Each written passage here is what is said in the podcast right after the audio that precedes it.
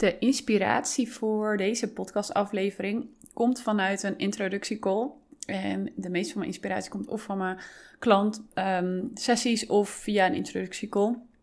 En ik had net een call met een vrouw die ehm, een man had ontmoet. En ik wil natuurlijk niet te veel details geven, maar daar was ze intiem mee geweest. En toen ze intiem was geweest, had hij de deur dicht gedaan en liet hij niks meer horen. En ik wilde hier dus toch een podcastaflevering over opnemen, omdat ik gewoon weet dat heel veel vrouwen dit soort dingen meemaken. En zij was in dubio, want ze wilde graag een berichtje sturen van wat ze dan precies kon sturen. En ze zat een beetje in dubio over verschillende soorten berichten. Dus daar heb ik haar, meestal geef ik eigenlijk geen coaching in een intro maar daar heb ik het toch wat advies op gegeven, omdat het eigenlijk een situatie was die nu speelde. En ze had, ja, ze had gewoon echt even nodig dat iemand met haar meekeek, omdat ze er zelf niet uitkwam. En ik wil als eerste, voordat ik ga vertellen wat we hebben besproken aan berichten en zo, ook iets delen over intiem zijn met een man. Want ehm, kijk, heel veel vrouwen zijn nu toch een beetje die beweging aan het volgen van ja, ik mag ook gewoon lekker vrij zijn en ik mag doen waar ik zin in heb en ik heb ook behoeftes en ik ga gewoon lekker, ehm, ja, net doen als wat mannen doen, hè? gewoon met heel veel mannen het bed delen, want mannen doen dat ook met heel veel vrouwen en ja, en ik kan dat ook, een beetje een defensieve houding zit er vaak achter en, want ik heb toch ook behoeftes en zo en ik vind dat Ehm, kijk, als je, het, als je het echt vanuit, puur vanuit je hart wil doen en dat, dat, je helemaal fantastisch in voelt, ja, prima. Maar ik denk dat het gros van de vrouwen dat helemaal niet heeft. En dat het meer een soort ehm, reactie is op onderdrukking. Dus je hebt jezelf bijvoorbeeld een hele tijd onderdrukt uh, in een lange relatie waar je bijvoorbeeld helemaal niks meer deed daaraan. En in één keer zeg je dan van, nou, dan ga ik in de grenzeloosheid, ga ik de andere kant op. Uh, lekker doen waar ik zin in heb. Of wat ik ook wel zie, is dat het, dat het onder een soort spirituele uh, verrijking of zo wordt neergezet. Hè, bij alle tantra, temple nights en zo. En ja, dat vind ik misschien nog wel gevaarlijker, want dan lijkt het alsof je iets heel heiligs aan het doen bent. Terwijl als je het plat slaat, ben je hetzelfde aan het doen als die vrouwen die met alle mannen het bed delen. Alleen je zet het dan onder een soort heel uh, spiritueel masker neer. Ja, dan ben je zelf een beetje aan het voorliegen. En dan kan je, denk, dan zeg ik, dan wees er dan gewoon eerlijk over wat je echt aan het doen bent. Gewoon met heel veel mensen het bed delen. Maar ik denk als je uh, een echte vrouwelijke vrouw bent en dat je dus connected bent heel erg met je hart, met intimiteit verlangen, dat je dan helemaal niet zoveel vervulling haalt uit het met iedereen het bed delen en zomaar snel jezelf fysiek geven aan een man. Want als je echte verlangen is om een diepe verbinding te creëren. En dan ga je dus zomaar random met allerlei mannen het bed delen. Waar je dan helemaal fysiek mee opent. Dan denk ik dat je tegen je vrouwelijke natuur ingaat. Want we kunnen wel zeggen, ja, mannen doen het ook allemaal makkelijk. Maar mannen zijn gewoon nog steeds wel anders gebouwd dan vrouwen. En los van dat ik het nooit goed vind om mensen erop te shamen, dat is de andere kant. Uh, denk ik dat het wel helpt om te beseffen als je een vrouw bent, dat als jij intiem met een man bent, fysiek, dat je jezelf helemaal geeft aan zo'n man, dat je jezelf helemaal opent. En dat je dus ook gewoon verliefd wordt op zo'n man. En je doet eigenlijk iets wat je doet als je verliefd bent op iemand. En dat doe je dan al voordat je iemand kent. Maar dat betekent wel dat er van alles met je gebeurt qua attachment. Je gaat je hechten aan zo iemand. En als je dan net gaat doen alsof dat niet zo is, omdat je hard to get wil spelen, of omdat je net doet alsof je de independent woman bent die lekker kan doen wat ze wil doen, dan ga je je eigen gevoelens tegenspreken. Dan sluit je dus je hart af. Met alle gevolgen van dien. Dat je op een gegeven moment helemaal niks meer voelt. En dat mannen je ook uh, altijd continu maar gaan zien als uh, geen relatiemateriaal. Omdat ze ook niet met je kunnen verbinden. Want je voelt niks meer.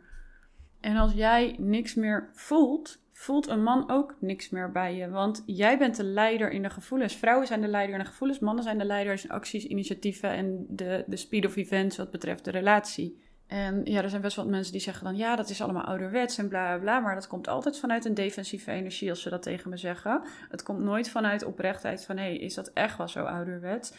En ja, de natuur verander je gewoon niet zomaar. Ook al kan je met je hoofd bedenken dat jij denkt van, nou ja, maar ik kan het ook lekker zo doen. Dat kan.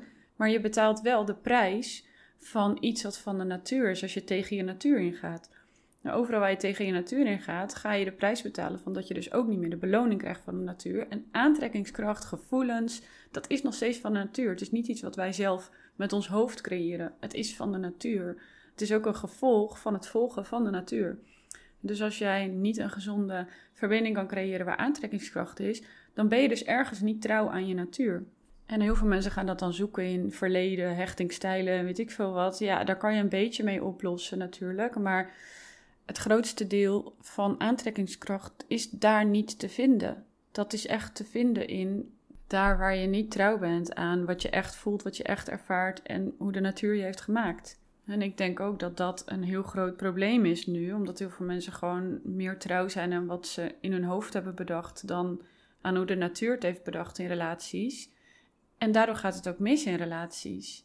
Nou, dat is even hè, een zijweggetje vanuit mijn visie, maar het helpt denk ik ook wel om dat te beseffen. Dat, dat de vrouw is gewoon de leider in de gevoelens en in het openen en in het bouwen van de intieme connectie.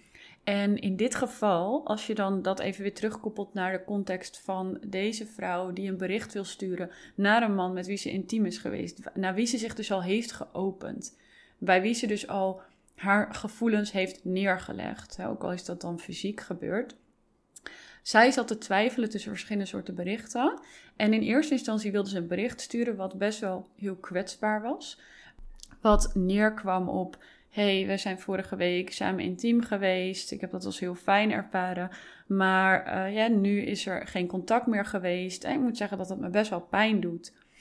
En daarna had ze zelf nog een hele uitleg en ook een hele analyse van hem erbij bedacht. En nou, ik heb toen gezegd van laat die even weg. Hou het echt kort en krachtig. Want je weet niet waarom hij je niet meer heeft beantwoord of niet meer heeft benaderd.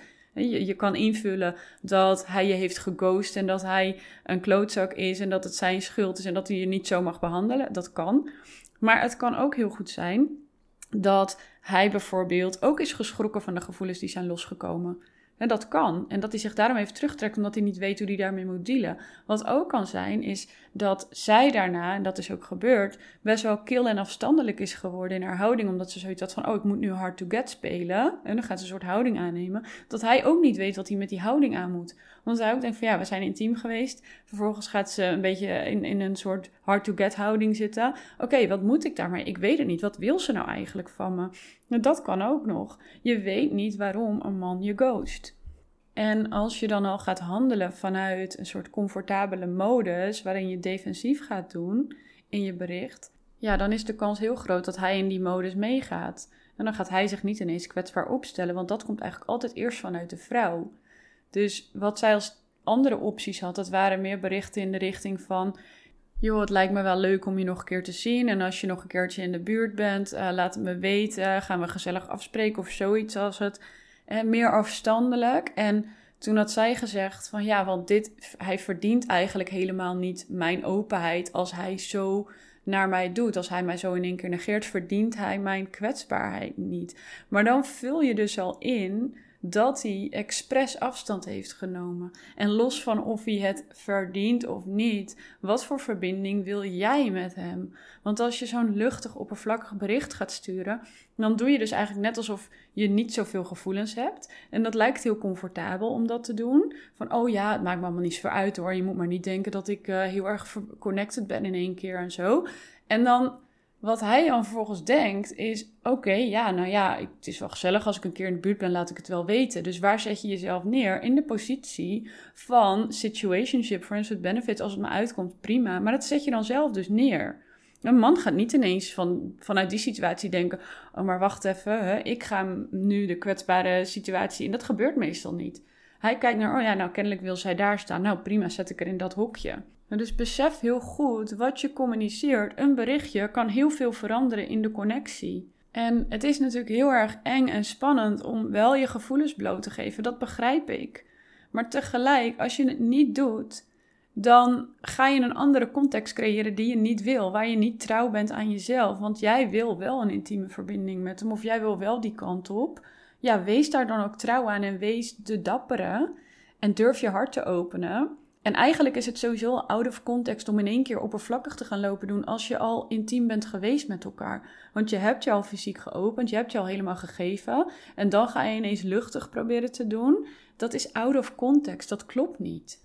En zij had ook een bericht bij een aantal mannen neergelegd. En die zeiden: nee, ga nou maar dat luchtige bericht sturen. Maar ja, mannen onder elkaar zijn sowieso anders dan man en vrouw. En vaak zijn mannen ook niet eerlijk tegen je over wat ze echt voelen, omdat ze dat niet weten. Dat is net als dat mannen ook gewoon niet zomaar denken van, oh, ik wil een relatie of zo met iemand. Maar mannen komen een vrouw tegen en die hebben dan zoiets van, oh, wacht even, zij raakt iets bij me, ze opent me, ik voel dingen voor haar. En dan wordt hij gemotiveerd om meer de commitment in te gaan. Dan denken we, oh, wacht even, maar met haar wil ik wel een relatie voor haar, wil ik wel vechten voor haar, wil ik dat wel doen. En zo gaat dat. Een vrouw opent een man. En als jij als vrouw een beetje ja, luchtig gaat doen van ja, het kan me echt niet schelen hoor. Je moet niet denken dat ik gevoelens heb en zo. Dan zet je dus een masker op en dat lijkt heel comfortabel. Dat lijkt, dan lijkt je de strong independent woman. En dat is een beetje de beweging die nu heel veel gaande is. Van ja, wees nou maar niet te kwetsbare en zo. Maar ik zeg het tegenovergestelde, wees maar wel de kwetsbare. En dan ga je misschien inderdaad een paar keer goed op je bek. Dat je kaart afgewezen wordt terwijl je openstelt. Maar dan bied je een man ook wel de kans om zich ook bij je te openen en zich veilig te voelen. En ja, je moet die afwijzingen, als je heel je hart hebt gegeven, ownen. Want als je dat niet gaat doen, dan blijf je in een situatie waar je elke keer de friends with benefits wordt. Of elke keer de, nou ja, laten we gewoon vrienden blijven. Of elke keer de, ja, ik voel het toch niet meer zo. Dus be brave to feel safe. Dat zeg ik wel eens tegen mezelf als ik ook even door zoiets heen moet.